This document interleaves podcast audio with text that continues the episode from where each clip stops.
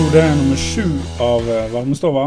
Jeg sitter på Voss, på Hangurstoppen, i lag med Cato Legereid, som er dagens gjest. Sverre hadde ikke mulighet til å bli med i dag, og supervikaren Brynjar Aamodt er opptatt med å planlegge noen russefester og slikt. Så siden jeg er på Voss, så fikk jeg eh, tak i Morten Knapstad, så i dag er det han som er supervikar. Morten er ekte vossing, oppfostra på Vossafor, og så er han lærer på ekstremsportlinja på Voss folkehøgskole. Følger han på Instagram, så ser det ut som han sjelden har bakkekontakt. Med andre ord, han ser seg ivrig med speedriding, paragliding og fallskjerm. Medlem i OneCall-teamet. Så ble han pappa til Sigrid for en stund siden. Medlem i pappateamet òg, da. Ja. Men er det noe mer du har lyst til å tilføye, Morten, før vi setter i gang med, med introen av Cato? Nei, jeg syns det var en eh, fin intro, jeg. Så eh, nå er jeg spent på, eh, på Legreiden her og klart eh, å høre hva han eh, har å komme med, eller hva svar han har til oss. Cato ser litt bleik ut der han sitter. Begynner å svette litt i hendene òg, han. Ja, nå er jeg litt svett i hendene. Litt, jeg er faktisk ganske bra. Ja, det, det går fint dette her, Cato. Du har jo eh, er- Jerry of the Day-capsene på. Cherry of the day, respect to send. Cato er oppvoksen i Odda, født 25. mai i 1981. Wikipedia sier at han var den første norske skikjøreren som ble internasjonalt anerkjent for sin tilnærming til frikjøring i fjell. Han har også eh, fått sin egen eh, signaturmodell og skimerke Amplid. Eh, alt som fireåring var han på ski i Røldal skisenter. Der var han fast på ski helt fram til han var 15. Da starta han å jobbe i skisenteret. Men eh, en dag så kom det en kar og fikk han med på ski igjen. Eh, da eh, har han sagt en gang at det har vært noen år med kjeledress og ski, og kalla kjeledressåra. Eh, tre måneder etter at han ble eh, lokka med på ski igjen, så ble han nummer fem i første utgave av eh, Røldal Freeride Challenge. Han har bl.a. stilt til start i Røldal Freeride Challenge med ødelagt håndledd på han har kjørt gummibåt ned i fjellsida over tunnelen og blitt kasta rundt. I Røldal, altså. Han har fiksa helikoptertillatelse og en del andre ting for sykehussenga i Engelberg, når han da, etter han hadde fått på trynet ut ei klippe der. Han tok en telefon da til ordføreren i Odda, slik at Tanner Hall og Seth Morrison kunne filme i Røldal i stedet for i Nord-Norge. Får ikke glemme CR Johnson og Eric Du skal slippe til etterpå. Eh, han hadde ei e-postadresse som heter galekato, eh, hotmail.com. Da måtte han slette etter et intervju med Dagbladet, som eh, publiserte den. Han fikk 100 000 kroner av Odda kommune fordi han var en så god ambassadør for Odda kommune. Han har vært på landslaget i skicross. Han har en femteplass i Røldal Freeride Challenge i 2001. Han har fått hedersprisen i Røldal Freeride Challenge i 2009. Førsteplass i Tour de Andoria i 2010. Fjerdeplass i Freeride World Tour eh, i 2012. Han har jobba to år som hoveddommer og dommer i Freeride World Tour. Og under freestyle ski-VM på Voss i 2013 var han grenansvarlig for slopestyle.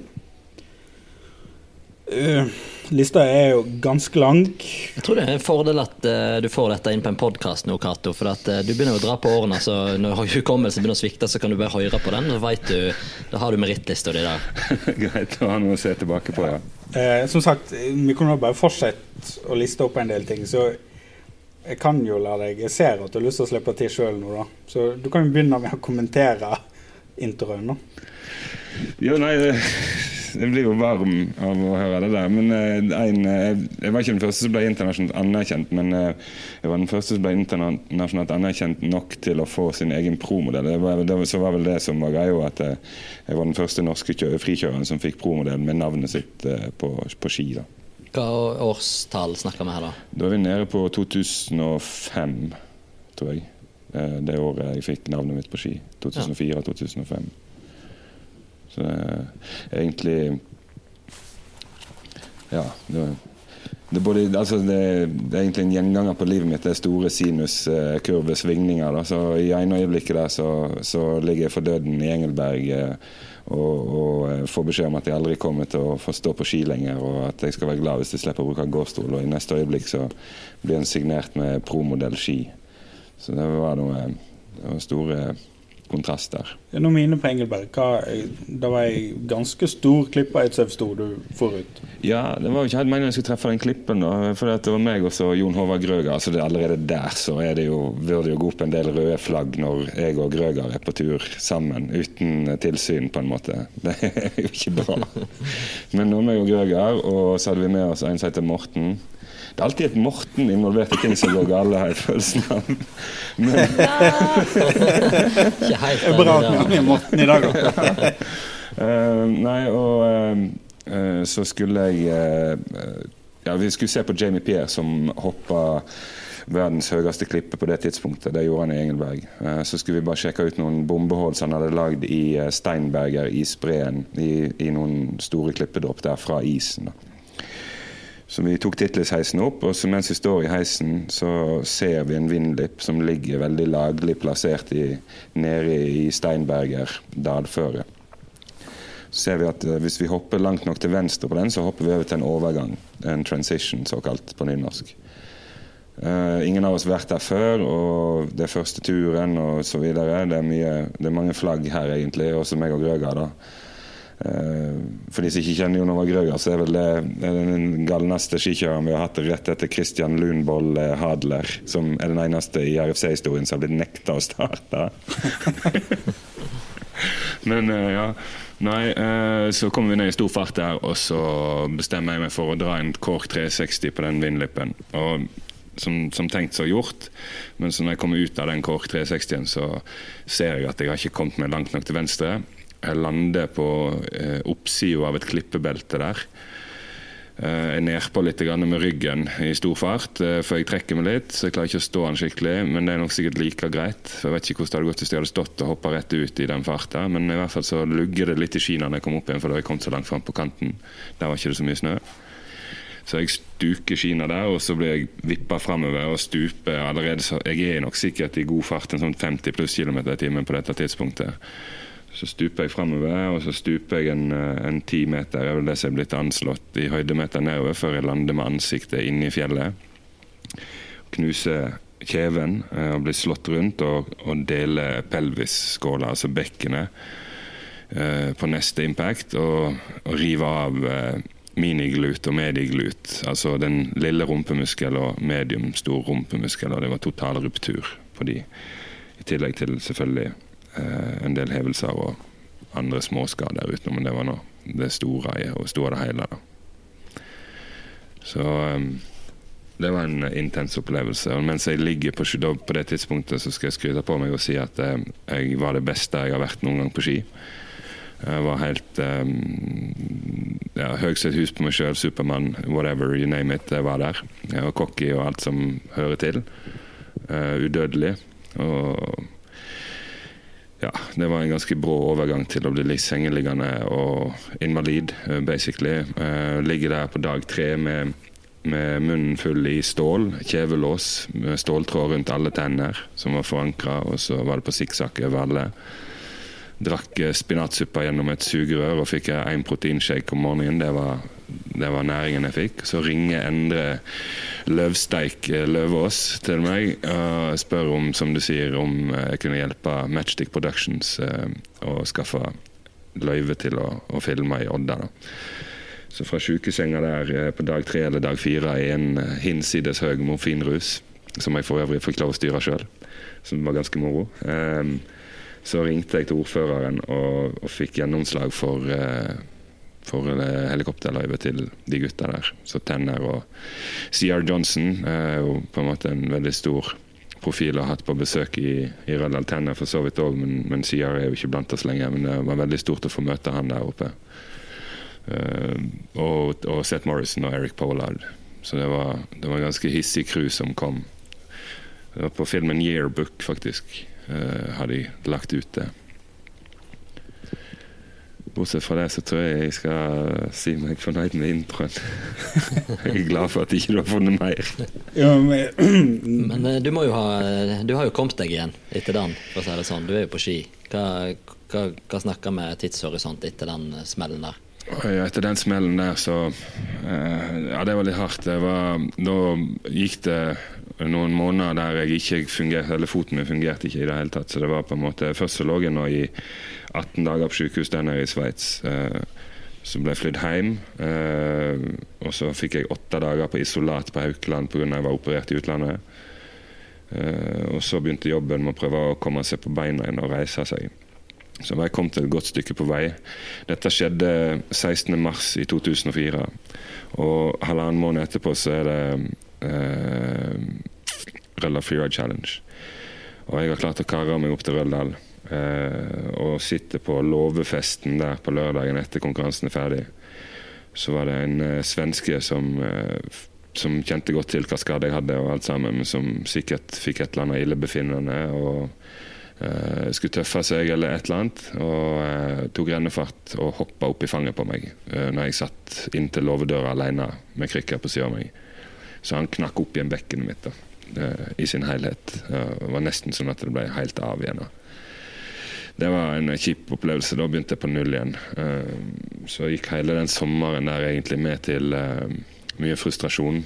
mye skarpe albuer til folk rundt meg som jeg følte ikke forsto eller ville hjelpe, eller kjente på den smerten jeg hadde, osv. Det var mye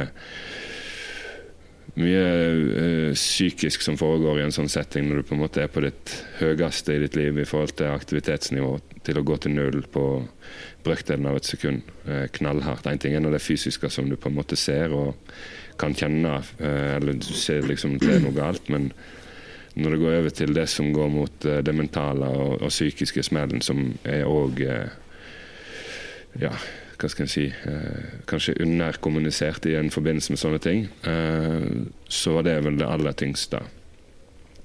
Så jeg brukte, Da fikk jeg nøklene til alt av treningsfasiliteter i Odda kommune. Det stemmer jo det at jeg fikk 100 000 av Odda kommune som en sånn sponsorat for å på en måte reise rundt og markedsføre Røldal. og og den biten Eller jeg fikk det vel egentlig litt sånn som en sånn eh, etterpå påskjønnelse. Du fikk vel òg streng beskjed om å møte opp på kommunestyremøtet når du fikk, skulle få tildelt de eh, pengene? Det stemmer. Og ironien i det hele er at det er kommunistpartiet valgallianse som fikk gjennomslag for dette her. Så de ville skille ut noen, ikke alle skulle være helt like som alle. Nei, det var stygt sagt. Jeg må si tusen takk til Terje Kolbotn for at han fiksa det. det. Han har vært en lokalpatriot i mange år, så han skal ha kred for den der. Eller jeg er i hvert fall veldig glad for det. Men altså, er jo, det er jo ikke til å stikke under en stol at eh, du har vært mye skada. Jeg har vært mye skada. Og mange vil nok si at jeg fremdeles er veldig skada på mange måter. Og det er jeg jo for så vidt òg. I dag så er jeg jo på papiret fem, nesten 50% medisinsk invalid og 100% idrettsufør. Men eh, jeg har ikke akseptert at eh, at eh, prosedyrer og eh, firkanta legebøker skal fortelle meg hvordan jeg skal leve mitt liv, om jeg skal kunne klare å leve mitt liv som jeg har lyst til å leve det. Så jeg har brukt veldig mye tid på trening og brukt mye tid eh, på på gråting på mye. Det er mye smerte mentalt som foregår i sånne ting Så der. Jeg husker veldig godt en gang jeg satt midt på sommeren der, det året i 2004. Så satt jeg på en stein eh, en 150 høydemeter over skytterbanen i Odda. På vei opp mot Freimstølen og klarte ikke å gå lenger. Jeg hadde ikke sjans å gå lenger. Og holdt på å gi opp. Og der satt jeg vel og sutra. Jeg kjenner jeg blir litt eh, varm i øynene bare av å tenke på det der, for det var knallhardt. Og da satt jeg der og sutra i et par timer, til jeg og syntes synd på meg sjøl. Eh, det var hardt å ikke klare å gå og ikke kunne funke. Så jeg trente natt og dag basically da i ni måneder etter det eh, for å komme meg tilbake igjen på ski. Og så smalt det på nytt. Hvor smalt det da? Altså, Da er vi over 2005, så da er, da er, det vel Jeg lurer på om ikke det er kragebeinet som ryker da først. Um, og så uh, Det gror ikke. Eh, og legestanden vil ikke sette inn stål på det. Så jeg blir gående med det i ett år og to måneder før de setter inn uh, titan. Bare for å være helt sikker. Og så tar de én millimeter tjukk titan og setter inn. Og det er, da kan du like greit sette inn et uh, grasstrå på en som er så aktiv som meg. Uh, titan er sprøtt og, og knekker veldig fort. Så fikk jeg det inn, og så gikk det ikke så lang tid. Så ble jeg invitert som en av 25 idrettsutøvere uh, worldwide fra Adidas til å være med å åpne innendørs skihall i Tyskland. Eh, der det var masse sånne A- og B-kjendiser. Det var Lord of the Rings-skuespillere fra Tyskland der, og det var The Bilt, og det var liksom sånn, det var masse sånne galskap. Og det var 40 Queen of the World-kandidater som for rundt der i kjolene sine og vimsa. Og, uh, det var god stemning, og så skulle vi lage et show der, og så klarte jeg å tryne. Da, en, da hadde vi et produkt som heter SMX, som var på en måte en sykkel uh, mountain cross-sak som vi brukte på vinter istedenfor at det skulle være FMX, da, som er freestyle motocross. Så var det sykkel- eller BMX-rammer som var bygd om. Klarte å tryne og, landa med skuldra ned i, et gåhull fra en annen en i kunstsnø som var våt, så det var full stopp. Og så knakk den der titanplata rett av igjen, så du så den i huden. Så var det inn på sykehuset på nytt, og så ja, fikk de tatt ut den. Jeg hjalp han legen med å skubbe imot, for han fikk sånne glepptak med skrujernet sitt når og skulle skru ut disse skruene. Og sikkert mye kjøtt i veien. Uh, ja. Og så var det røykte nå et kne, og så var det vel noe kompresjonsbrudd i ryggen og litt sånn forskjellig. Ja, hva bein i kroppen er det du ikke har knekt? Uh, jeg, uh, venstre hånd uh, har det gått fint. Ja, venstre side har egentlig gått fint.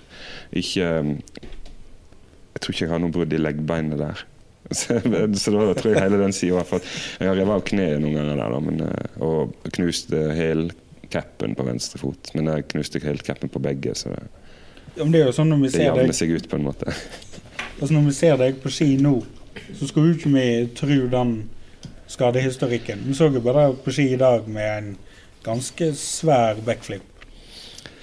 Det er mye, mye mye trening. Det er ikke noe som har kommet gratis. og Det, det er alvorlige mengder med trening som ligger bak det å komme seg tilbake etter at alle disse smellene som jeg har vært gjennom. Da.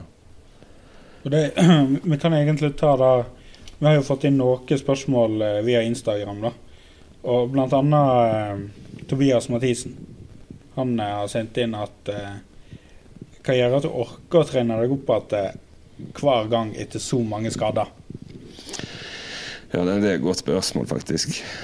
Um, jeg, tror det, jeg tror jeg har et veldig behov for å bevise for meg sjøl at jeg ikke svikter meg sjøl når, når det er på det hardeste. Um, ja, jeg tror det ligger mye i det, faktisk. Så det handler om å ikke akseptere uh, situasjonen. Og det, er- dessverre så går det litt igjen i, i mange aspekter av livet mitt, og det skaper jo uh, trøbbel til tider. Ja, altså Du er jo ikke kjent for å gå stille i dørene når det er noe du mener. Nei, det er sant. Men altså, nå har vi hatt eh, Jeg mener jo det at det må snart begynne å gå opp for det norske folk at det er mer eh, kulturen der jeg kommer fra, enn en det er meg som person. Vi har hatt Leif Einar eh, Lotepus, som har vært eh, odding i media nå i et par år. Han blir jo elska, så jeg kan ikke skjønne at ikke jeg skal kunne klare å få det til. Eh, men du har jo drevet på mye med luftsport, og det er jo litt mest ditt fagfelt, Morten. Det er ikke Jo, eh, jeg har jo fått eh, flydd litt med Cato, men eh, han, eh, han eh, Etter det som jeg husker, og nå må du korrigere meg her, Cato, men eh, første gang eh, Jeg tror det var en av de første gangene jeg møtte deg. Da var i forbindelse med, med når du hadde kjøpt din første speedrider. Jeg tror jeg møtte deg oppe i Bjørgamarka i Ørjan Horvei eller noe sånt. Stemmer det? Da er vi vel tilbake i sånn 2008-2009 kanskje, eller, Jeg, eller jeg, 7 jeg, lurer på om det er 2007-2008-sesongen jeg skaffa Ja. den.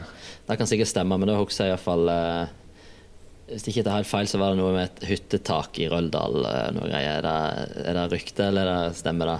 At jeg hoppa fra, fra et tak. Ja, jeg veit ikke. Med det- speedrider? Ja, det var et eller annet der iallfall.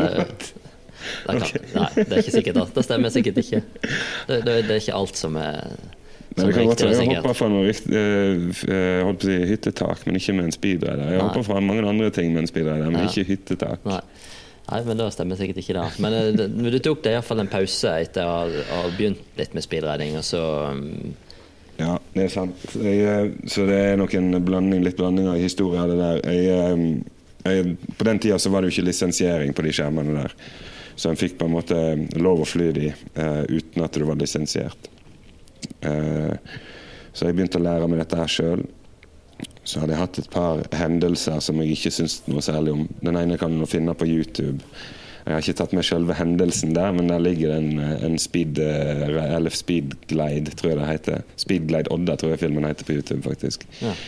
Der jeg kjører på skøyteski fra Ole Einar Bjørndalen sitt utvalg av ski som jeg hadde kjøpt fra Matshus. På det tidspunktet så var jeg K2-sponsa kjører, og de hadde kontor hos Matshus på Brim, Brimi, Briri, Biri, heter det, borte på Gjøvik. Så fikk jeg tak i noen skøyteski der fra denne Matshus-greiene, og det klarte jeg å kjøre ned Rosnos uh, fjellsida med. da. Ja, Ja. stemmer. ja. og så fly ut. Ja, Så gikk det jo eh, noen år, og så var du tilbake i, i luftsporten. Du begynte å fly på Agli der, og jeg møtte deg her på Voss og flydde en del i lag med deg. Og, Mm. og nå eh, ja, har du jo vært instruktør en periode i, i speedriding og Ja. fått en del erfaring og, og flydd mye. Ja, speedriding har vært en um, Jeg vet ikke hva jeg skal si om speedriding. Det har både vært min uh, go-to og min uh, hold deg langt unna uh, type idrett. For det. hvis ikke du er der du skal være med hodet, så er det veldig fort å, å tøffe seg i den sporten der til et nivå der det får fatale konsekvenser. Og Det har jeg vært veldig nært på å få til for min egen del, men jeg har òg vært til stede når det har skjedd eh, nesten fatale ulykker. Så det er en sport jeg har veldig respekt for og er veldig, veldig tenkende når jeg holder på med. Ja. Mm. Det, nei, det er utrolig moro å fly, eh, både speedriding og PG. Og veldig glad for at jeg, jeg valgte å flytte til Voss for å kunne dyrke de idrettene der. Mm. Og så har du hatt en, eh, en drøm tidligere i hvert fall om å, hoppe base ifra eh, i Rosnos eh, og fly wingsuit over Odda. Er, den fortsatt der, eller har du lagt den litt på, på vent? Altså, ja, nei, Drømmen er jo der, selvfølgelig. Men uh, hvor, uh, hvorvidt jeg tør å gjennomføre det, det tror jeg jeg skal legge litt på is. For at jeg, eh, på et tidspunkt så, så søkte jeg de beste jeg vet innenfor basemiljøet om å få lov å begynne å hoppe med de. Da hadde jeg vel en 180 hopp i boka mi, fallskjermhoppen, og som det er registrert. Um, så da ringte jeg først til uh, to ganger verdensmester i wingsuit, Espen Fadnes, og spurte hva han tenkte. Og så var nå litt Jeg vet ikke helt. Han var litt der til å begynne med. Og så kom det vel frem til slutt at han syntes ikke noe om at jeg skulle begynne med det, så han ga meg vel egentlig bare avskjed på, på blankt papir. Og så tenkte jeg fuck it, da ringer jeg til en som er litt mer løs i kantene. Og tok den eldste i, i basehoppmiljøet og ringte til han, og heter Frode Johansen. Og eh, ble kalt for kongen i miljøet. Eh, og la frem samme ønske til han, der han gikk rett på eh, det der er ikke du klar for. Det kan du bare drite i. så da måtte jeg bare ta det hintet og akseptere det. Og jeg nå hadde, tenkt det med meg sjøl at eh, nå søkte du informasjon fra de som du har mest respekt for i utgangspunktet. Begge to sier nei. Da lytter du til det, og så lar du det ligge. Ja. Så jeg gikk litt den veien der. Ja. Men ut fra et fly, derimot, Ja. det er en helt annen, helt annen historie. Så jeg har jo utsjekk på wingsuit fra fly. ja. Så det, jeg har prøvd å fly wingsuit fire ganger, tror jeg. Ja, men Det er bra. Og så er det én ting til jeg tenkte jeg skal spørre deg om. Du har jo, eh, Vi gikk jo litt på turn i lag her eh, før jul eh, i fjor. Men Ja. eh, også plutselig så skifta du litt eh, landingsområde. Du flytta deg inn i bassenget og har blitt eh, en habil stuper etter hvert. Og eh, du har vel òg eh, dratt i gang noen kurs eh, i stuping og døds eh, her i Vossabadet. Ja, jeg prøver å smitte eh, ungdommen og litt eldre ungdommer i, i Vossa-miljøet til å bli med og stupe for å skape et miljø. Da. Eh, For jeg ser det mange, jeg har vært der mye og stupt. og så jeg ser det veldig mange eh, flinke akrobater rundt her, men alle er spredd over en, et stort tidsrom, så du får liksom ikke folk til å treffes i et miljø. Så jeg prøvde å få litt, sveise folk litt sammen da, for å lage litt ut av det. Men ja, nei, jeg bytta vekk eh, eh, trampoline og, og tumblinggulv eh, i år, eh, i høst, for jeg tenkte at eh, jeg skulle prøve heller å, å bruke stupebassenget som et eh, akrobatområde for min del. Eh, grunnen til det er for at jeg ønsker ikke så mye friksjon i kneledd. Eh, de der småsmellene som du kan få hele veien hvis du er litt sliten eller litt ute av fokus, ikke helt i balanse. Og så er det jo ikke å putte under en stol at, eh, at eh, jeg har smelt hodet mitt ganske hardt, og det hjelper meg ikke i balanse. og sånn hvis jeg altså De smellene de hjelper meg ikke til å ha veldig god balanse. Jeg måtte bygge opp balanse og motorikk og sånne ting etter en, en kraftig, et kraftig kraniebrudd og tre hjerneblødninger som jeg fikk på en smell uh, i 2008. Så da mista jeg mye der. Og når jeg nå er begynt å bli såpass gammel som jeg er nå, så hvis jeg begynner å spinne mye, uh, så blir det litt uh, rot på vei ut. Men hvis jeg flipper, så går det greit. Hvis jeg bare tar saltoer, så kjenner jeg det på følelsen på hvor jeg er henne i lufta. Da trenger ikke jeg å se så mye. Eh, Og så er det litt mindre konsekvenser å lande flatt eh, eller utstrekt eller Ja. på trynet i et stupebasseng enn eh, hva det er på trampoline eller matta eller hva det nå måtte være. Da Ja. blir fort konsekvensene litt større. Så det er litt derfor jeg har hatt det rolig der i år. Ja. Nei, um, vi har jo uh, hatt deg litt som vikar på, på folkehøgskolen i år, og jeg, jeg tror jeg kan si med sikkerhet at du er den eneste som har dratt en dobbel backflip eh, som vikar på skolen da. Til, til stor eh, inspirasjon og, eh, og jubel, for å si det sånn. Så du er Supervikar Cato, med andre ord. Ja, ja, ja, ja, ja. Nei, ja, Det har vært utrolig kjekt det å være gjestelærer for Voss folkehøgskole. Ekstremsportlinja. Eh, det- Og kan absolutt anbefale. Jeg er så misunnelig på de som går på den linja der. og Det er utrolig kjekt å kunne jobbe med dem som lærer, men samtidig hadde jeg vært 20 år, og jeg sagt det også mange ganger, hadde jeg hatt den muligheten, jeg hadde ikke tvilt et sekund om å stikke til Voss folkehøgskole for å ta et år der. Men vær så god, fikk du litt reklame. Eh, men vi kan gå litt inn igjen på ski, da. fordi at du har jo Du har jo vært eh, ganske mye rundt i verden og stått på ski i din ungdom. Så kanskje der var din folkehøgskole, da. Mye mulig. Det har i hvert fall vært en type folkehøgskoleutdannelse å reise rundt og, og se forskjellige terrenger og sånne ting. Det har vært en stor utdannelse i seg sjøl. Fordi jeg eh, fikk et eh, Jeg har fått noen stikkord for litt ulike folk i miljøet, og folk som kjenner deg. Blant annet eh, eh, Jo Bergersen, fotograf. Eh, han bor i Sogndal. Eh, han snakket om at eh, du og han hadde vært på tur. Eh, jeg husker ikke hvor de var hen. Eh, men det han ikke fortalte, det er vel at, som du har sagt eh, at han var tatt av et ras på den turen, blant annet. Ja. Men det er ikke det jeg skal fram til nå. Ja, men la oss ta det. Ja, vi, vi kan ta Jo litt først, da. Ja, nei, det, var faktisk, det kan vi fortelle litt om, for det er jo en plass som er veldig aktuell for mange nordmenn å, å reise og stå på ski. og Det var i, um, i Horfugen i Østerrike, uh, i Silletal, altså Horfugen-anlegget. Og, og der eh, skulle vi følge et allerede veldig godt etablert spor ut til skikjørers høyre, eller Luckels left, når det er på vei opp eh, et, opp heter P150, den heisen der. Eh, så siste stol, stolheisen opp da, til toppen i Horfugen. Ut til venstre der når du er på vei opp heisen, eller skikjøres høyre. Og det var, det var mange som hadde kjørt rundt der, eh, så vi kjørte på ei allerede etablert sporbru.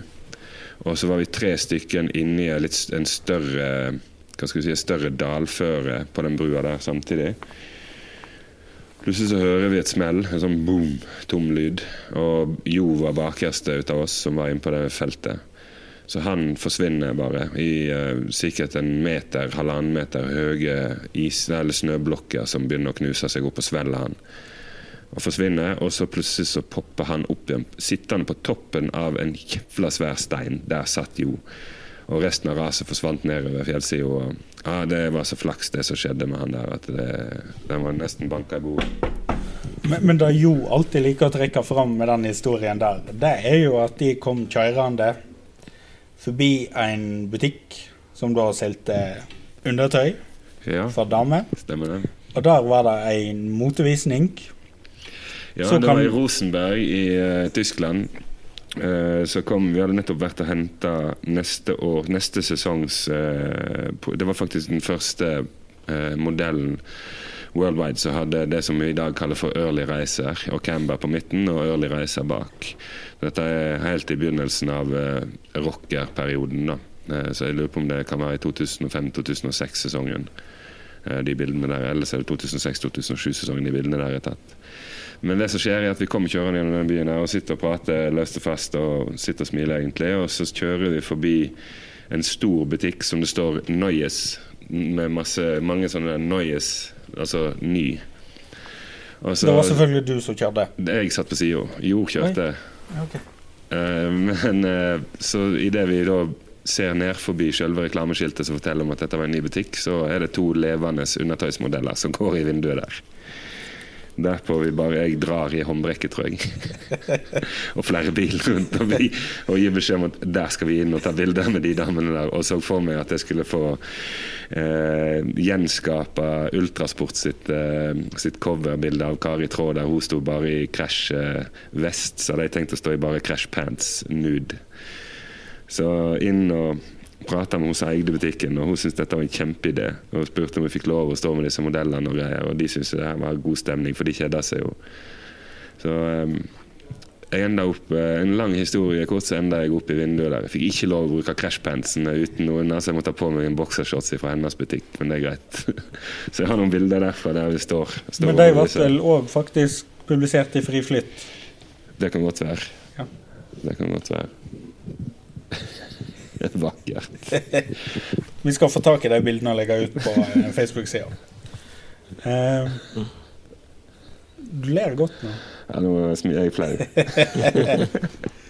Og så har jo vi òg fått et annet stikkord, og det var ganske kort. Det er ett ord. Hansaflippen. Hansa-flippen, ja. Ja, det er jo blitt veldig i skuddet nå på eh, Instagram å ta salto med å drikke væska opp ned. Og så ser jeg du har jo tagga meg et par ganger, Bay- Bayum, på disse her flippene de tar med, med alkohol opp ned. Og så er det alltid sånne spørsmål 'name the trick'. Derpå er jeg egentlig litt kjapt frampå og sier 'what the fuck, name the trick'? Det er jo Hansa backflip. It was invented in 1996, motherfuckers. I Røldal. I Røldal på Session sin snowboardkonkurranse, big jump-konkurranse der oppe. For ifølge Rune så maste du deg litt til for å få lov å delta der. Ja, Rune mente det. Ja. Jeg er mer på at Rune han lå på sine knær og bedde om at de skulle få noe action for om ikke jeg kunne bli med og være den første skikjøreren i verden som fikk være med på big jump-konkurranser i regi av snowboard. Men du tok to hopp der nå. Du er hopper ikke, og... det, er ikke samme året. Å nei. Nei. Fordi at du hopper òg over dommer, dommerne på ett hopp. Ja, det stemmer. Jeg har tatt past the judges grab. Så det var istedenfor å gå rett ut hoppet, så skar jeg eh, 45 pluss grader ut til høyre av hoppkanten før, så jeg treffer ut hjørnet og hopper ut over dommeren som sitter på kanten på landingen eh, oppe på toppen på tabelen der, og så passerer de og flyr ganske langt ut av hele byggverket egentlig og lander på flaten et stykke lenger ned. Det er jo eh, satse alt eller ingenting, da. Det har vært det som har vært mottoet. It's all or nothing. Eh, It's been nothing many times. og det er jo sånn når du sitter på, på eh, frikjøringskonkurranse òg, så er jo det Det er jo alt eller ingenting. Ja, men for fuck's sake, unnskyld sportboken. Der har jeg prøvd å sette håndbrekket på full lokk liksom, for å, å klare å komme meg ned i en frikjøringskonkurranse i Røldal uten å gå på hodet. Men uansett hva jeg gjør, så snubler jeg i beina mine, krysser ski eller mister en ski. eller... Og så er det selvfølgelig Loco eh, Missions òg som har gått gale, men i all hovedsak så er det jo bare kløning eh, som har gjort at jeg aldri får til å kjøre den konkurransen der. Og det har jo ikke bygd seg ned med nerver når jeg står på toppen i løpet av årene. Men jeg tror faktisk du er den eneste jeg kjenner som jeg vet om som driter på deg når du har stått på ski. Takk. Den trengte jeg å få ut på eteren. Du har sagt det sjøl. Ja, men ikke som et offentlig innlegg, kjære deg. Jo, nei, men det stemmer Jo, for så vidt. jo, jo, jo, da sa du når, når jeg spor om du ville være gjest her. Snakket med litt om ting da må du ta, ta tak i det at jeg driter på meg. Det er en flott ting å snakke om. Ja, det syns jeg. Altså, dette er igjen, og det detter tilbake inn på Kari Tråd. dette. Men det var vel skicross, da. Det var, det, var, det var i landslagsperioden på skicross, ja. Så det var det året Kari eh, Traa skulle ta den store kula i worldcupen i, fris, i freestyle. Og så mangla hun litt poeng, så, og det samme gjorde Ingrid Berntsen for så vidt òg. Søstera til den litt mer anerkjente Hedda Berntsen. Eller enda mer anerkjente som flydde eh, et stjålet fly gjennom rådhustårnene i Oslo. Bjarne Berntsen. så eh, ja, nei, så var vi i Le Contamin på grensa til Italia, eller fransk-italiensk område. Kjørte verdenscup i skiacross, og så eh, hadde vi en, eh, en kar fra Narvik som, som, var glad i å smøre ski, så han smurte skiene mine. Og de gikk veldig fort, de skiene. Så konkurransedagen så klarte jeg ikke å ta kamelpuklene sånn som jeg skulle. Det var seks kamelpukler etter hverandre.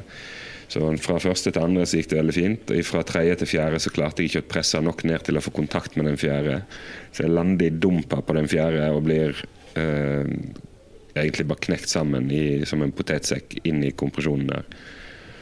Og spytta ut eh, over den femte og lander på ræva inn i den sjette.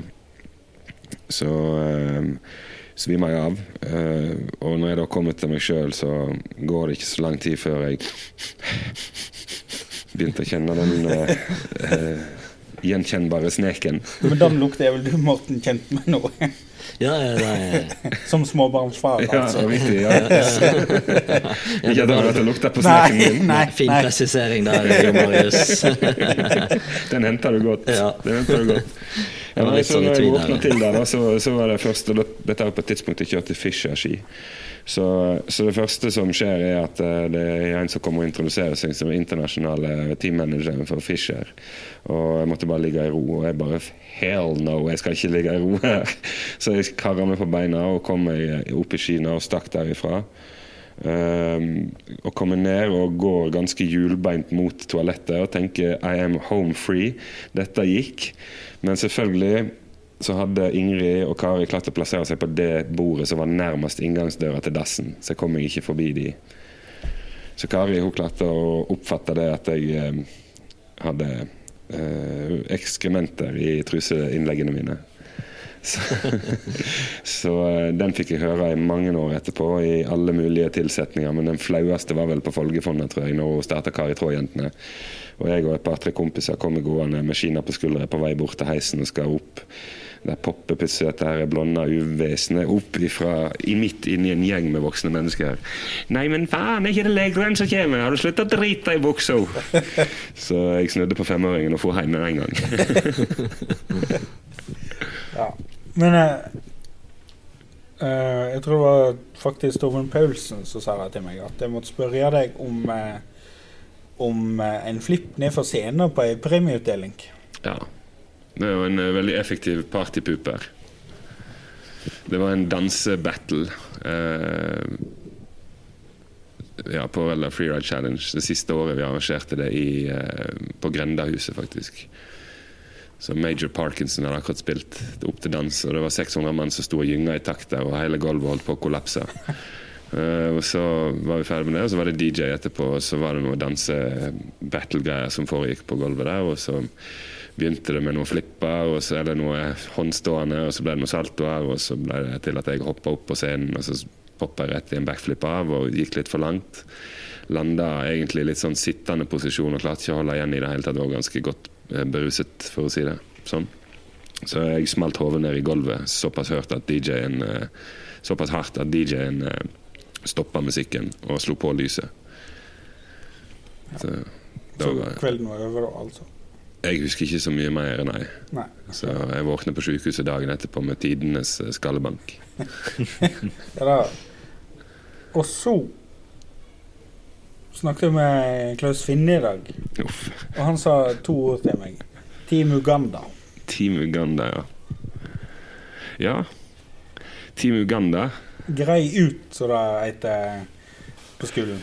Team Uganda det handler om eh, Paul Kabugo. Eh, han eh, er en gutt som kom til Norge eh, for mange mange, mange år siden. Eh, nesten et, eh, en mannsalder siden nå. Jeg vet ikke hvor mange år siden det kan være. Jeg sier at det er 15-20 år siden han kom til Norge. da. Eh, og så poppa han opp på Folgefonna med en gul refleksvest der det sto på godt uh, utafor norsk 'Jeg skal til OL', sto det. Han kunne nesten ikke snakke norsk. Uh, men han var jo en akrobat uh, uten uh, sidestykke.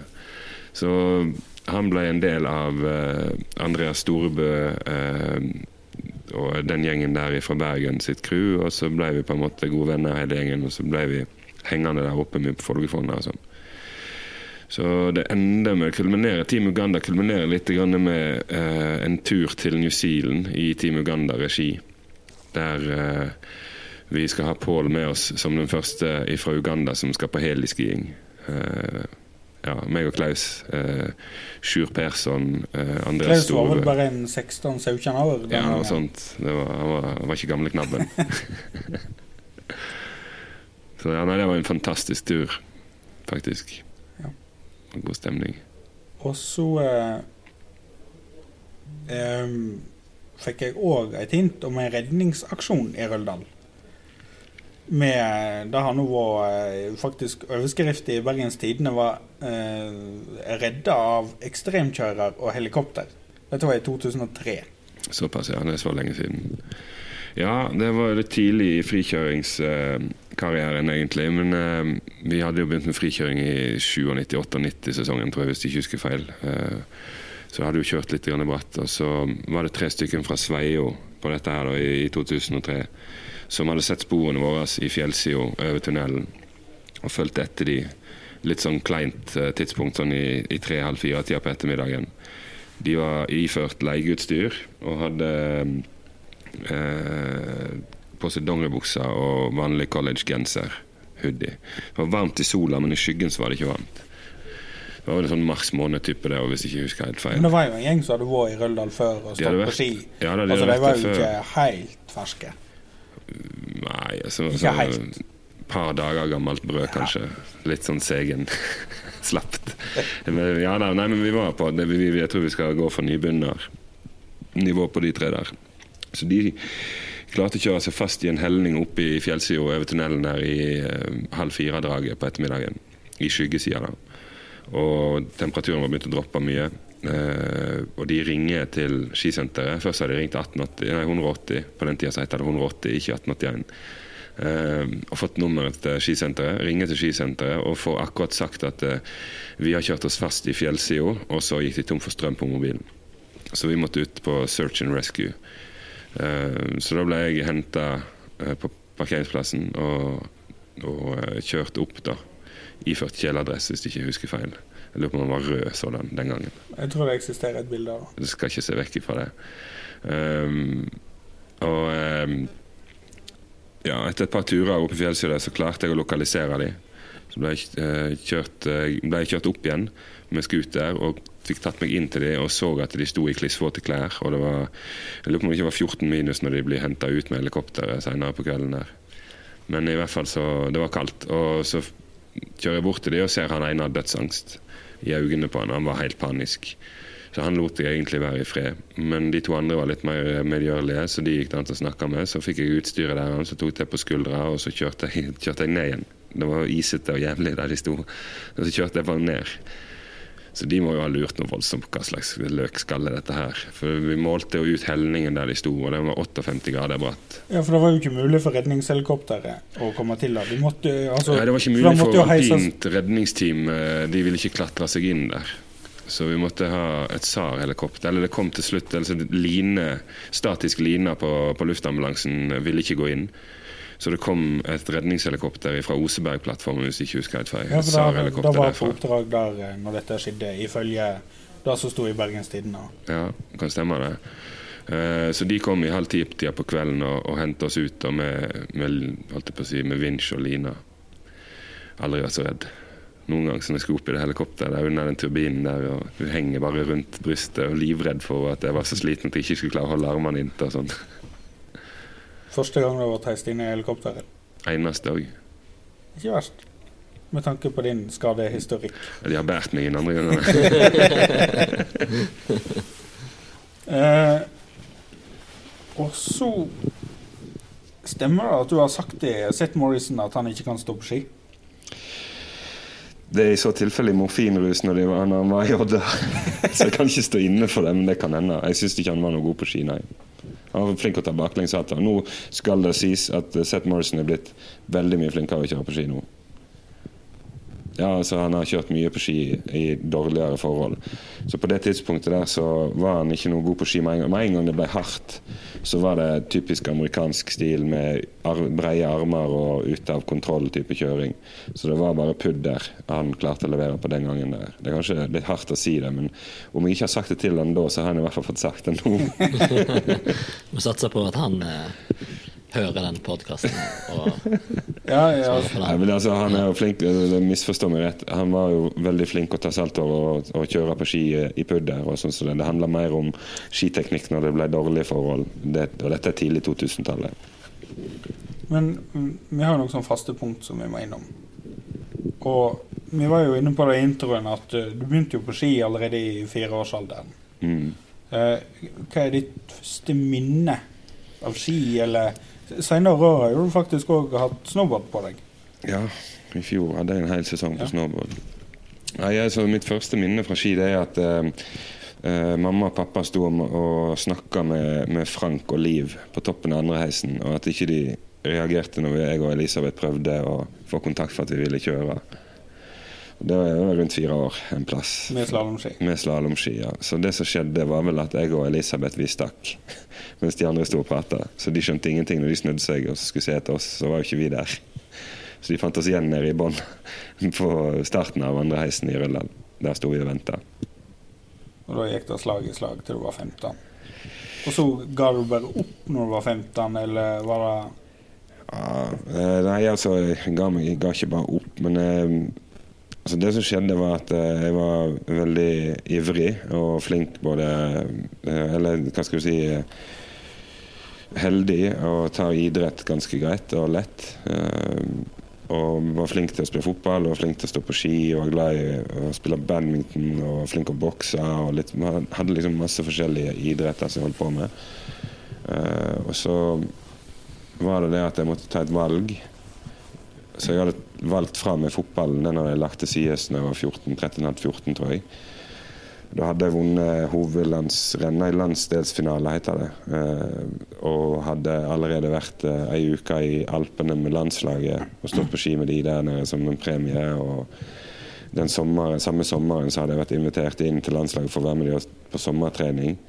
Der de filma meg og måten jeg kjørte på ski på, fikk fart ut på flata. og sånn, For jeg var så flink å generere fart ut av sving og inn på flatt parti. Og så sto jeg veldig aerodynamisk i hockey. Så de filma en del av det, og så lagde vi en instruksjonsvideo til skisport, som det heter den gangen. Uh, som på en måte var åssen jeg sto i hockey. da, litt sånn, Hva kan gjøre feil? og så. Ikke at jeg hadde noen meninger, men de viste det da på hva en kunne gjøre feil og sånne ting. Um, ja. Så du tålte å få litt kritikk den gangen? For nå er du Nå er jeg veldig dårlig på det. ja, jækla rask på å kritisere andre. ja, det Da. nå, tar du, plukker du eh, ordene rett ut av Clay sin munn. jo, men det har jeg kjent på kroppen sjøl. Jeg er dessverre skrudd sånn at jeg forventer mye av meg sjøl, men eh, det, også har jeg ikke klart å legge helt eh, beslag på å få det til å smitte over på andre. Så mange føler at jeg forventer mye eh, veldig fort. Og så er ikke jeg noe diplomat, så jeg sier ting rett ut. Og det kan jeg eh, skrive inn til en 18 siders lang avhandling med hva som er feil med hodet mitt. Altså i forhold til hjerneskade. Så jeg er medium hjerneskada. da. Så to av de blødnings- eller arvevevdannelsene fra de blødningene ligger på bl.a. risikosenter og det med empati og direktehet. Jeg var ganske direkte før, men jeg er blitt veldig direkte etterpå. Ja da, skal vi sikkert ha visst. Jo, takk. Ja, det, er jo, det, er ikke, det er jo ikke sjelden at du har et Facebook-innlegg som det blir litt varme, varme i, for å si det sånn. Vi får håpe at det har vært sjeldnere de siste to årene. Jeg har tatt meg sjøl der at jeg kan ikke skrive på sosiale medier. Jeg skriver altfor alt for rett fram. Jeg skriver for mye sånn som jeg tenker, eller sånn som jeg ville sagt ting. Og så kommer ikke gjerne tonefall uh, i åssen en sier ting ut, på samme måte når du skriver det som det du gjør når du sier det. da. Så ja, nei, det har, meg, det har slått meg i bakover mange ganger, det at jeg skriver altfor hardt. Men du er jo engasjert, det skal du i hvert fall ha. Du, Prøver å roe ned engasjementet, sånn at ikke folk skal hate meg. Men jeg hadde faktisk eh, en eh, som er dommer i eh, frikjøringscupen i Norge. Han sa til meg at han mente at han dømte bedre når han visste at du enten var i publikum eller på, som deltaker. Fordi du var ikke redd for å si ifra til dem at eh, her mener jeg de har dømt feil, eller hvorfor de hadde dømt sånn som så de hadde dømt. Det er jo egentlig et klapp på skuldra, det da, jeg tenker jeg egentlig. For det at, sannheten er jo at frikjøps... Jo, han mente jo det var positivt, det var jo ikke negativt. Nei, ja, det er flott. Sannheten er jo at frikjøringscupen i Norge, den har jo på en måte uh, litt eller det vil si Rølla Freeride Challenge i sin tid og satte litt standarden for hva Freeride World Tour-kjørerne uh, måtte levere for å kunne på en måte kunne slå seg på skuldra og si at this, this is good enough. Um, og det nivået som var på kjøringa uh, i frikjøringsbiten, der den var veldig utviklende og veldig langt framme. Pusha mye grenser, uh, og spesielt på RFC så ble det masse grenser som ble pusha. André Pracek prøvde å pushe grensene sine, naboen sine og alle andre i samme kommune sine grenser, men det gikk jo ikke så bra. Så han slutta vel sin karriere etter et 35 meters høyt skihopp med V-stil og full Lars Bystøl-vinkling der oppe. Så det var mye galskap som skjedde der. Men ja, nei, altså en, uh, Jeg har vært så lenge i gamet at kanskje de har litt respekt for hva jeg mener. da. Jeg vet ikke hva jeg skal si. Jeg har det av og til når du sier, men ikke alltid. Jeg velger litt hva tid jeg skal. Max Mekke, kjære deg. uh, Nei, jeg veit jeg er klar over det. Så for å ta det litt seriøst, så ja, nei, jeg er klar over at det er fort at jeg uh, blir litt uh, hard. Men det er jo som du Morten var inne på, har jo, du har jo et engasjement. Og for folk som vil noe og vil oppnå noe, det er jo mange som tar kontakt med deg og vil ha tips og råd til ulike ting. Sånn at folk hører jo på hva du sier. Ja, det har vel gått opp for meg de senere år at jeg må på en måte kanskje moderere meg litt i forhold til hva jeg sier til folk. Jeg er kanskje litt for hard. Og det er en bakdel med det å være et, en eksponert person, det er jo at du blir gjerne kontakta av uh, Gud og hvermann uten at du gjerne har noe forhold til dem. Men så må, er det jo litt egen liten vitenskap det å klare å være Aksel Lund Svindal i alle situasjoner og være kjempehyggelig. og ikke bli Henrik Kristoffersen. ja. Så der ser du, det skyter fra hofta. Ja ja, men da forventer vi òg når vi spør om du ville være med i varmestova. ja. Eh, beste varmestova, da? Altså, du har jo vært masse rundt. Er det Hvor er den beste varmestova? Favorittvarmestova di? Og hva må du alltid ha når du kommer inn i varmestova? Altså, beste beste varmestoveminnet det er jo fra kveldskjøring eh, i Røldal. Back in the days, vil jeg si. Og, og det å ha med seg eh, eh, lunsj eller skiver med ost på, og så kjøpe kakao av Kari, og så en sånn eh, jeg lurer på om at, eh, Hva de heter de der sjokoladene? Sånne tynne sjokoladepinner. Reglia eller Regalia eller noe sånt. Så det et eller annet sånt sted. Sånne sjokoladepinner, bare melkesjokolade i en pinne, lang pinne som du kunne dyppe ned i i kakaoen. Og så var den delt i flere lag, så hvis du holdt den akkurat lenge nok, så kunne du dra den, spise spise og dra den ut. Så fikk du dra det av ett lag, og så kunne du dyppe den igjen, og så kunne du holde på sånn til det. Og det var helt fantastisk. og ikke minst dyppe skiver med ost på ned i kakao er jo en drøm. ja. Sikkert for deg som er glad i sjokolade. Ja, nei, for du er ikke det, er det det du sier? Nei. Nei, nei, nei, nei. Eh, beste skianlegg, da? Oi. Ja, det blir litt vanskelig også. Vi, vi kan lage ei topp tre-liste, da. Ja, Hvis vi skal lage ei topp tre-liste, så er det veldig, veldig vanskelig å komme seg vekk fra Chamonix. Jeg har alltid vært veldig anti-turistmaskinanleggsperson. Men jeg tilbrakte to sesonger i Chamonix, og de opplevelsene jeg hadde der, det er litt vanskelig å komme vekk fra helheten, rett og slett, i, i, det bildet der. Så Chamonix er definitivt oppe på topp tre. Uh, jeg har hatt tre uker i Røldal som jeg aldri har opplevd noen annen plass før. Det eneste som mangla i Røldal, var på en måte antall høydemeter i forhold til hva du hadde fått hvis du hadde vært i, i en annen del av uh, Alpene eller Rocky Mountains eller et eller annet sånt. Så det. Men det var helt sinnssykt. Og da snødde det litt sånn som den uka vi har hatt nå, bare at det var sånn uh, annenhver dag, og så var det sol på dagen. Og så var det enormt snøvær på kvelden og natta igjen. Og så var det sol på dagen igjen, og så var det masse snø. Og sånn holdt det på i tre uker. Eh, og i helgene så snødde det bare tett. Sånn at når alle helgekrigerne kom fra Haugesund og Stavanger og sånn som så det, så, så kunne de kjøre ned trekket, og så var det ingenting som var spora til oss igjen når mandagen kom. I Røldal så er er anlegget stengt på mandager for vedlikehold. Så da fikk mandagen på en måte bruke tida til å sette snøen. Sånn, og så tirsdag, onsdag, torsdag hadde vi helt for oss sjøl. Så da kryssa vi ikke egne spor. Det var bare å begynne og jobbe seg stegvis utover i fjellsida. Ja, helt sånn fantastiske opplevelser der. Men så tredje skisenter som vi kanskje må dra fram. Det, blir vel, det er mange, men, eh, men uh, igjen så er det jo opplevelser. Og jeg har vært i Krasnaja Poljana, eller Rosa Kutur, som det heter, i, olympisk mened i Sotsji i Russland. Så der var vi vel i 2000 og pil og bue tidlig en eller annen gang. Første gang. Da var det jo bare blekkhus. Eh, ja, grusete veier med noen kjempehull her og noe lader. Så kom vi tilbake igjen, jeg lurer på om det kan ha vært i 2006-sesongen vi var der. Kom vi tilbake igjen i 2009-sesongen. Og da var de begynt det her olympiske kjøret alt på, de skulle bygge OL-landsby og sånne ting. Og det var en helt ny plass. Men det de hadde gjort, var at de hadde satt opp en gondolbane som gikk opp og landa på toppen av fjellet, der det mest populære, populære heli-drop-off-punktet var. Så de hadde flytta hele anlegget tre-fire kilometer innover i dalen.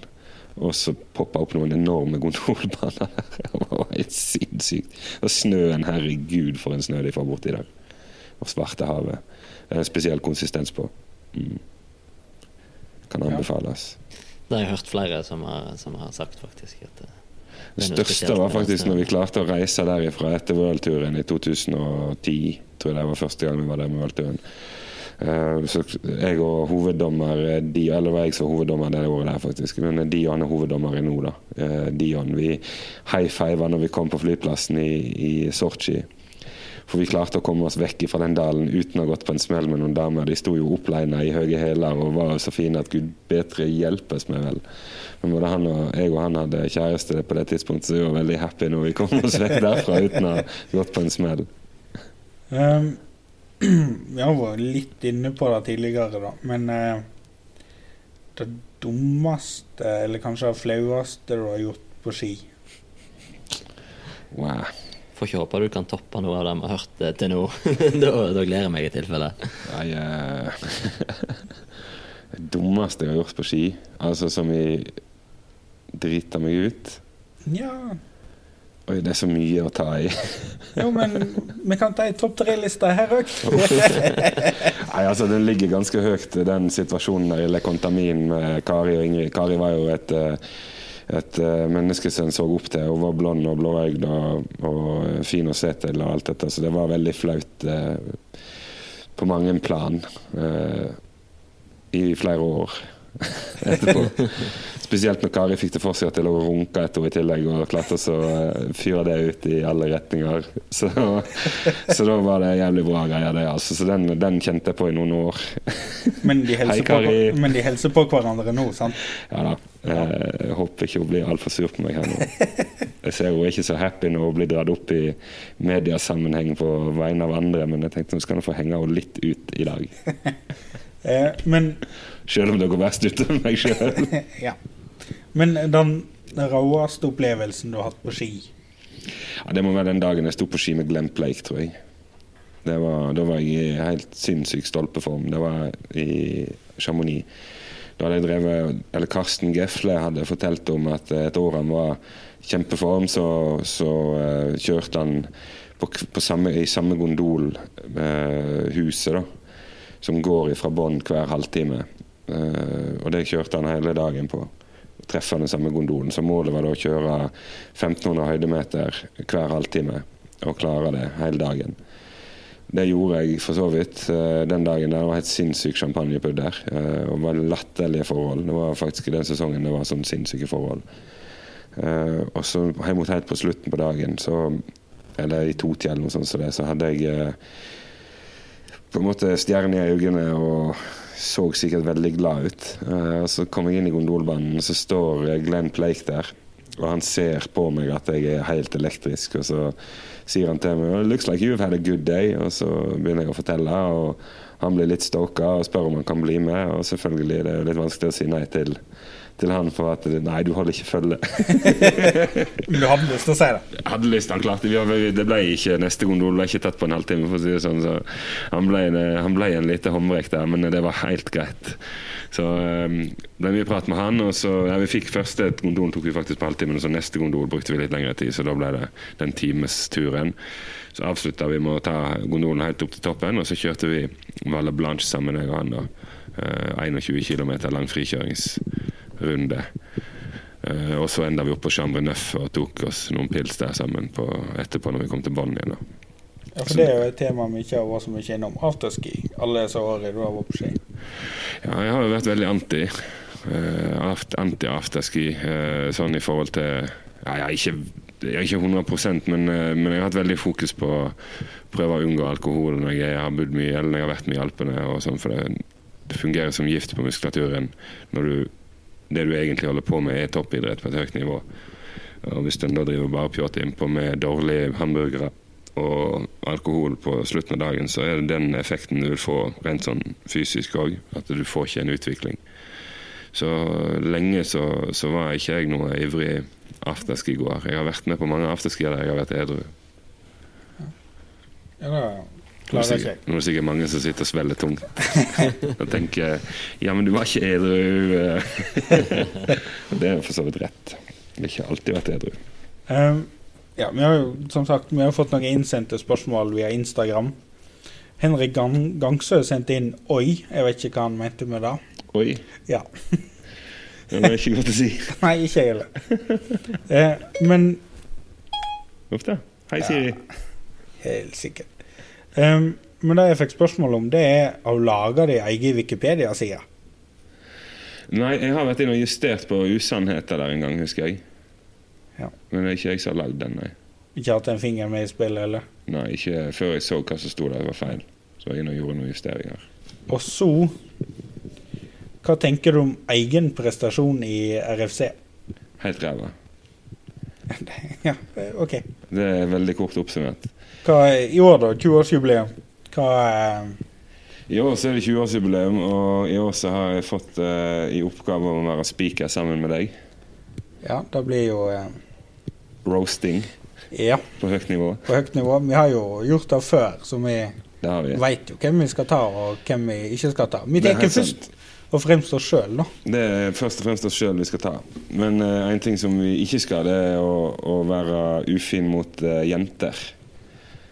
For det har vi opplevd tidligere, at eh, den eh, tidligere spikeren har eh, hatt et forferdelig dårlig filter på hva som er innafor å si og ikke.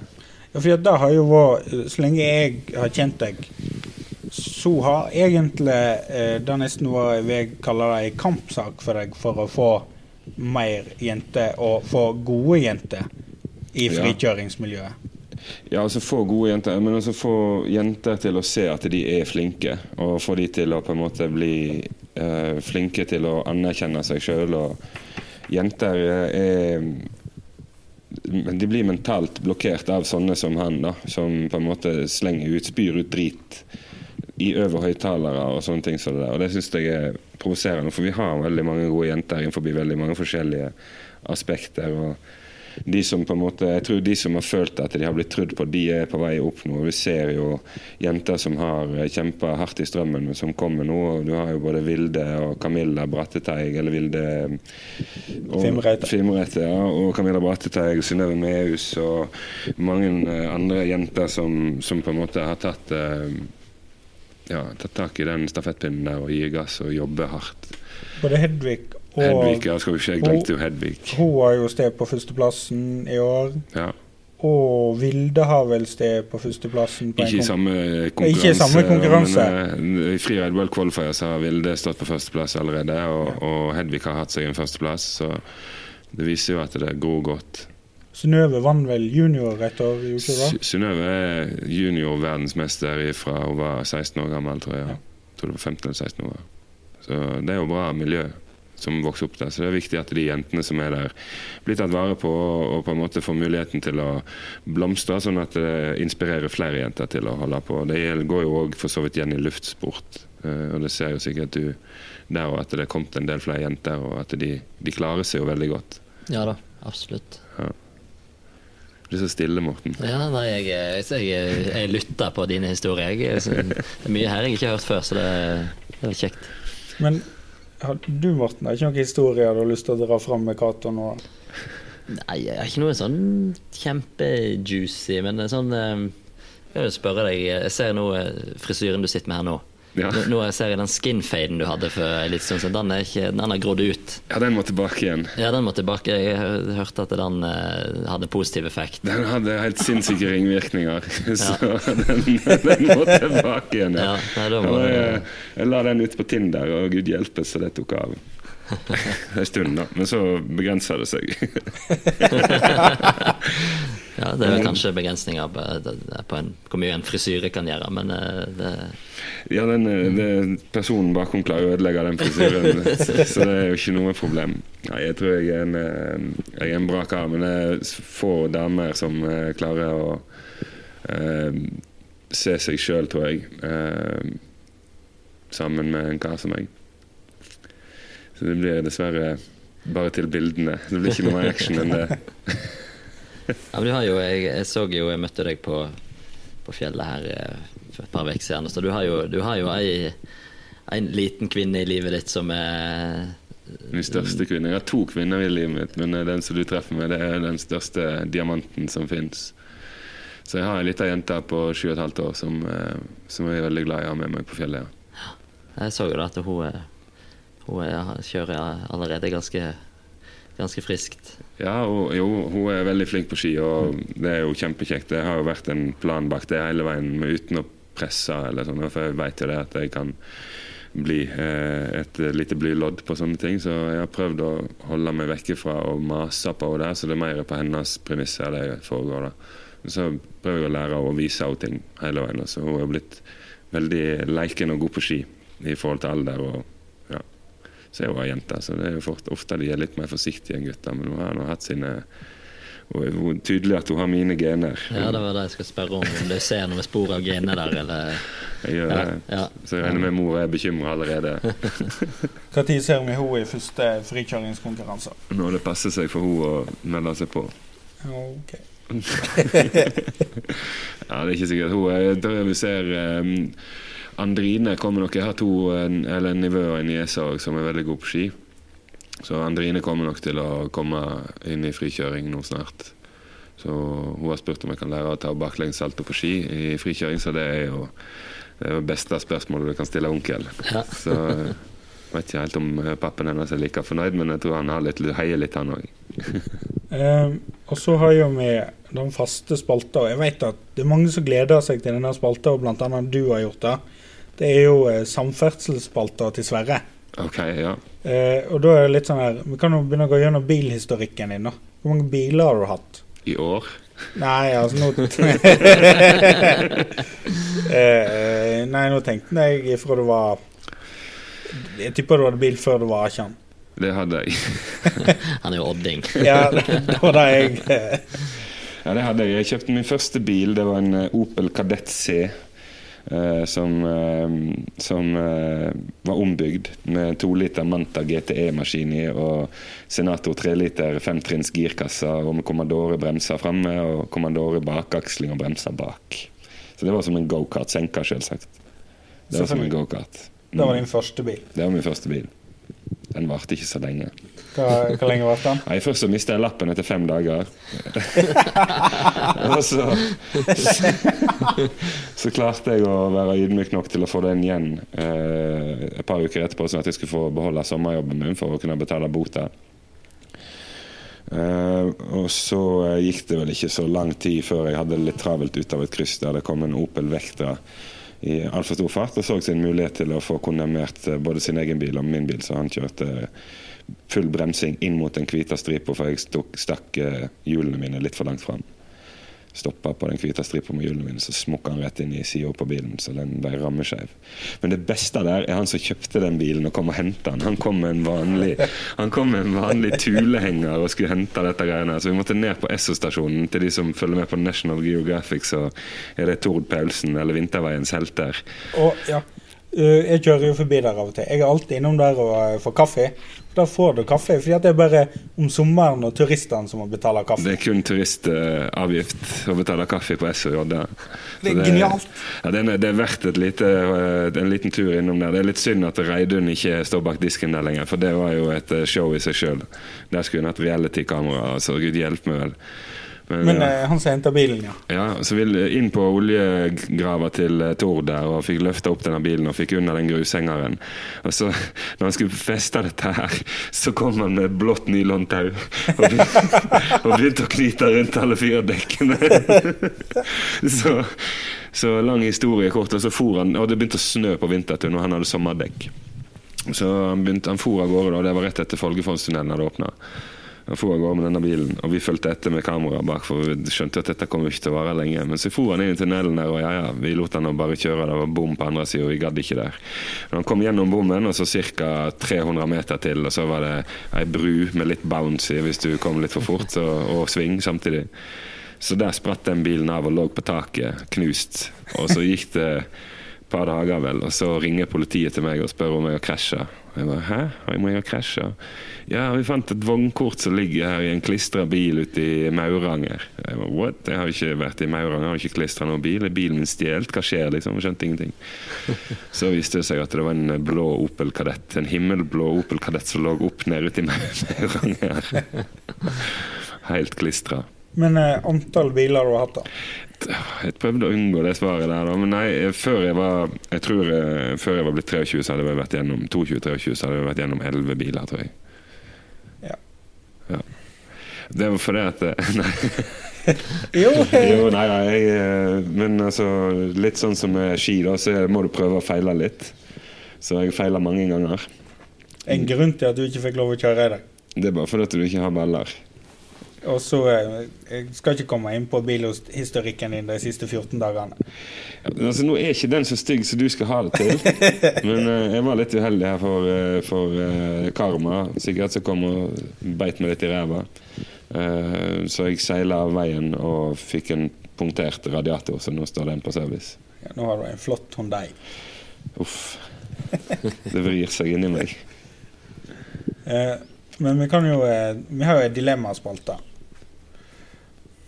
Og eh, Nei, jeg er ikke ferdig med samferdselsspalta mi ennå. Vi kan endelig kjøre mer samferdsel, for der er mange ting jeg har lyst til ja, å si. Men, men uh, Jeg klistra uh, konserndirektøren i det største selskapet til BNP i, for den norske regjeringen, altså bruttonasjonalprodukt, ganske hardt offshore. Han kom ut og skulle Han heter Helge Lund, for så vidt. Fra DT Offshore òg. Ja, ja. Han var vel konserndirektør da? Ja, det tror jeg. Så han eh, kom ut offshore på Jeg lurer på noe Veslefrikk eller Sleipner, men jeg tror det var Veslefrikk. Eh, og det var blitt annonsert at han skulle ha et møte der han skulle fortelle om miljø- og klimasatsingen til eh, Statoil. Så jeg forberedte meg godt og hadde kontroll på det meste av tall og sånn rundt høyhastighetsbane fra Oslo til Bergen og Oslo til Stavanger. Så når han var ferdig med svaret sitt og det politisk korrekte eh, innlegget som han hadde, så spurte han om noen hadde et spørsmål. Jeg rakk hånda i været, klar sitt egg. Kollegaen min skjønte hva som kom, så han reiste seg kjapt opp og sprang. så uh, fikk jeg mikken, og så spurte jeg han om uh, Egentlig kort fortalt så var det, gikk det på hvordan han som konserndirektør for det selskapet som, som spytter mest penger inn til BNP i norsk, uh, i norsk bruttonasjonalprodukt. Og hvordan han stilte seg overfor det å ha høyhastighetsbane mellom Oslo og Bergen og Oslo og Stavanger. For Sannheten var det at 92% av det trafikkbildet i lufta der, altså lufttrafikken, det var direkte eller indirekte relatert til norsk sokkel. Og der er jo Statoil en veldig stor aktør. Uh, og I tillegg også visste jeg at, eller hadde lest meg opp til at de tallene, antall turer der og mennesker i lufta der, det var eh, hyppigere trafikkert enn det var mellom Roma og Milano. Så det smalt på bordet, og så fikk han, etter noen minutter så fikk han mikken tilbake igjen. og viste fram hvilken god politiker han hadde vært i Arbeiderpartiet med Ned. Klarte ikke å svare. Tåkefyrst er nummer én. Så, men han ga opp til slutt og sa det som sant var, at uh, pengene styrer. Og hvis jeg uh, som konserndirektør har uh, noe jeg skulle sagt overfor regjeringa på det, så mister vi Nordflanken. Og vi vet jo alle hvor Statoil er med Nordflanken, eller Equinor som de så flott heter i dag, er med Nordflanken nå. Nå er det jo en kjempekamp om å få bora og drilla og seismikk og alt sammen. Men det var ikke helt det jeg tenkte på med samferdselsspalta. Men dette sier jo at du bryr ikke deg om hvem personen er. Om du vil si noe eller mener noe. Så lenge jeg har mitt på det tørre i forhold til hva jeg prøver å mene, så jeg kan jo tre feil, men vi er jo alle sammen bare mennesker og logiske ofte i mange tilfeller. Men um, det handler jo om miljø- og klimasatsingen til Statoil. akkurat det der, og Hvis de virkelig hadde tatt miljø og klima på alvor, så mener jeg jo ganske sterkt det at Haukelibanen ville redusert veldig veldig mye på trafikkbildet for både trailere og lufttrafikk. Og jeg kan, ikke fatte og begripe hvorfor ikke Norge i dag eh, har en høyhastighetsbane mellom de tre byene som et absolutt minimum, men òg at en skulle selvfølgelig fått høyhastighetsbane som er innom Kristiansand og komme opp igjen den veien, og så at du har noe som kommer fra Trondheim og nedover derfra. Hvorfor ikke glemme Nord-Norge og Bodø og Narvik og Tromsø og alt det de skulle jeg skjønner ikke hva, hva slags Molboland vi egentlig bor i, når en må forholde seg til eh, knapt nok nasjonalveier i det store og det hele. Det er noen plasser på Østlandet de har noen firefeltsveier som er akseptable, men her borte som vi oppholder oss, så er det visst forferdelig vanskelig å bruke samferdselspenger. Men, men du, var litt, du, var jo inne på toget. Eh, har du hatt eh, noen gode skiopplevelser der du har brukt eh, tog eller båt eller kollektivtransport? da? Ja, nå er jo ikke jeg så umenneskelig glad i kollektivtransport. Men jeg har vært lappeløs eh, et, par, et, par, ganger for sertifikat for bil. Så har jeg blitt eh, påtvunget eh, den type aktiviteter. Så jo da, nei, Vi har hatt mange fine turer med altså Det som er fint med Alpene, jo, og Sveits spesielt, er jo tog og, og offentlige transportmidler. Så når jeg reiser nedover der, og hvis den er litt i aksept for å bruke tid på å bevege seg uten å måtte være, bli levert på døra hver gang, så er det helt ypperlig å gjøre det nede. Så jeg har vært mye på togturer nede i Alpene. Hoppe på et fly og komme seg ned til München eller, eller Zürich eller Genéve og sånn, og så begynne å bevege seg derifra. har vært helt genialt. Men eh, nå har jo vi drevet på ganske lenge i forhold til eh, planen. har, du kommet gjennom det du vil gjennom? Ja, om ikke du har noe du har lyst til å eh, dra fram, da. Du kan lese et dikt. Ja. Da kan vi avslutte med dikt, da. For du er jo eh, Du er jo en eh, poet. Jeg har mine gode øyeblikk av og til. Det er litt slam-poesi. Det handler om eh, sosiale medier. Men dette diktet har vel blitt framført en gang før? Nei, ikke dette. Å nei. Du, du tenkte på det som jeg framført uh, på mikrofonen på Huckers? Ja. Ja, nei, det, også, det, ligger jo her, det òg, men det var ikke det jeg skulle ta i dag. Jeg, I dag har jeg eh, irritert meg over noe annet. Det er det samme jeg irriterer meg over, men på en annen måte. Litt ny vinkel på irritasjonen. Men da du las eh, diktet på Høkers, da ble du Klaus så flau at han gikk jo ut. ja, men altså Men vær så god, mikrofonen er din. Aha. Ja, men også har vi som sagt eh, litt innom sosiale medier og den veien verden har beveget seg eh, de siste årene. Litt fortvila over. Eh, så da skal vi få et dikt om sosiale medier. Diktet heter 'Lei'. Jeg er så lei, lei av at alle skal se på deg, alle sammen på nettet hyler på meg, meg, meg. Kan ingen bare si nei, nei, nei? Verden er ikke bare du og deg, mitt og meg. Vi er mange som ser, og vi er dritlei. Mange som ønsker det bedre enn hva du klarer å gjøre i din verden av påklistret leverpostei. Vi ser ikke deg, vi ser ikke ditt, men hva betyr vel det så lenge du får spredd budskapet om at kroppen er fitt? Meg, meg, min, mitt, se hvor fuckings perfekt halt jeg har er blitt, for i dag er alle damer Instagram-fit. Hvor faen er samfunnets normale logikk? Du sprer ikke budskapet ditt annet enn å bli oppfattet som en overfladisk prikk. Sminke og eyeliner, pudder og krem. Etter en dusj forsvinner ansiktet, og du oppfattes ikke lenger som pen. Verden vil bedras. Ingenting annet enn multiple likes føles lenger, lenger som spesielt mye stas. Hva har skjedd? Er vi alle et produkt av Facebook og mas? Kan vi denne bevegelsen forfekte, snu rundt på målet og ta tilbake det ekte? Kan vi få tilbake det sanne der vi sitter og snakker sammen, panne mot panne? Se på de fleste, vær sterk, vær på ditt beste, du vet aldri når denne verden stjeler tankene til din neste. Boom, mic drop. Ja, du er på knipsing, du. Jeg er ikke så god på knipsing. Nei, jeg har hørt det på andre podkaster, liksom, at jeg knipser okay. Du er ikke der? Nei, jeg er ikke så god på det. Vel. Men da eh, sier jeg takk til deg, Morten, eh, som var med som gjesteprogramleder. Jo, takk for at jeg eh, fikk meg med. Det var kjekt. Og så eh, takk til deg, Cato, fordi at du eh, sa ja til å være med på podkasten. Takk for at jeg ble spurt. Og takk til Voss Resort for eh, lån av møterom. Ja, og en, takk til, for det, til deg for en god dag oppe i Myrtdalen i dag òg. Det var bra. Ja, det Du fikk deg vel et gratis kort der, så du skal være være ja, happy. ja, ja, ja. ja. Og eh, ja, det var gøy så lenge det varte oppe i Mørkdalen. da. Ja, nei, det er fort gjort. Hvordan hvordan gikk dette der i Myrkdalen i dag, Marius? Nei, nå må vi avslutte. Nei, jeg syns du skal fortelle litt om hva som skjedde der. Var det yardsail på, eh, på øvre platå? Jeg hørte du tok kaffe oppi der. Spadde deg i grop og noe greier. Morten kom opp i heisen, da lå jeg der og sa Røys. Han lurte på om jeg skulle spise lunsj. Da lå jeg der og kavde så faen. Det var eh. Jeg er ikke så god på ski, da. Du er ikke så galen heller. Nei, Du er men, eh, bedre enn Tore Meirik. Det vi får ta oss og avslutte det med det. Da eh, forstår jeg for de ble det- regning. Da forstår jeg for din regning. Tore vet hva jeg sikter til, så det er greit. Nei, men eh, så sier jeg takk til alle som har eh, faktisk orka og hørt på oss helt fram til nå. Ja. Eh, neste podkast kommer før det gjerne er. Så må alle komme seg ut på ski.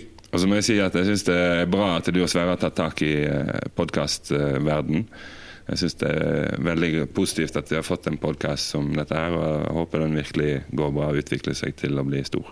Nå skal det sies at du var tidlig involvert når jeg og Sverre begynte å planlegge dette her òg. Det stemmer, men jeg syns fremdeles det er godt jobba. Jo, takk. Takk. Da sier jeg takk for i dag, jeg. Takk for i dag. Takk for i dag.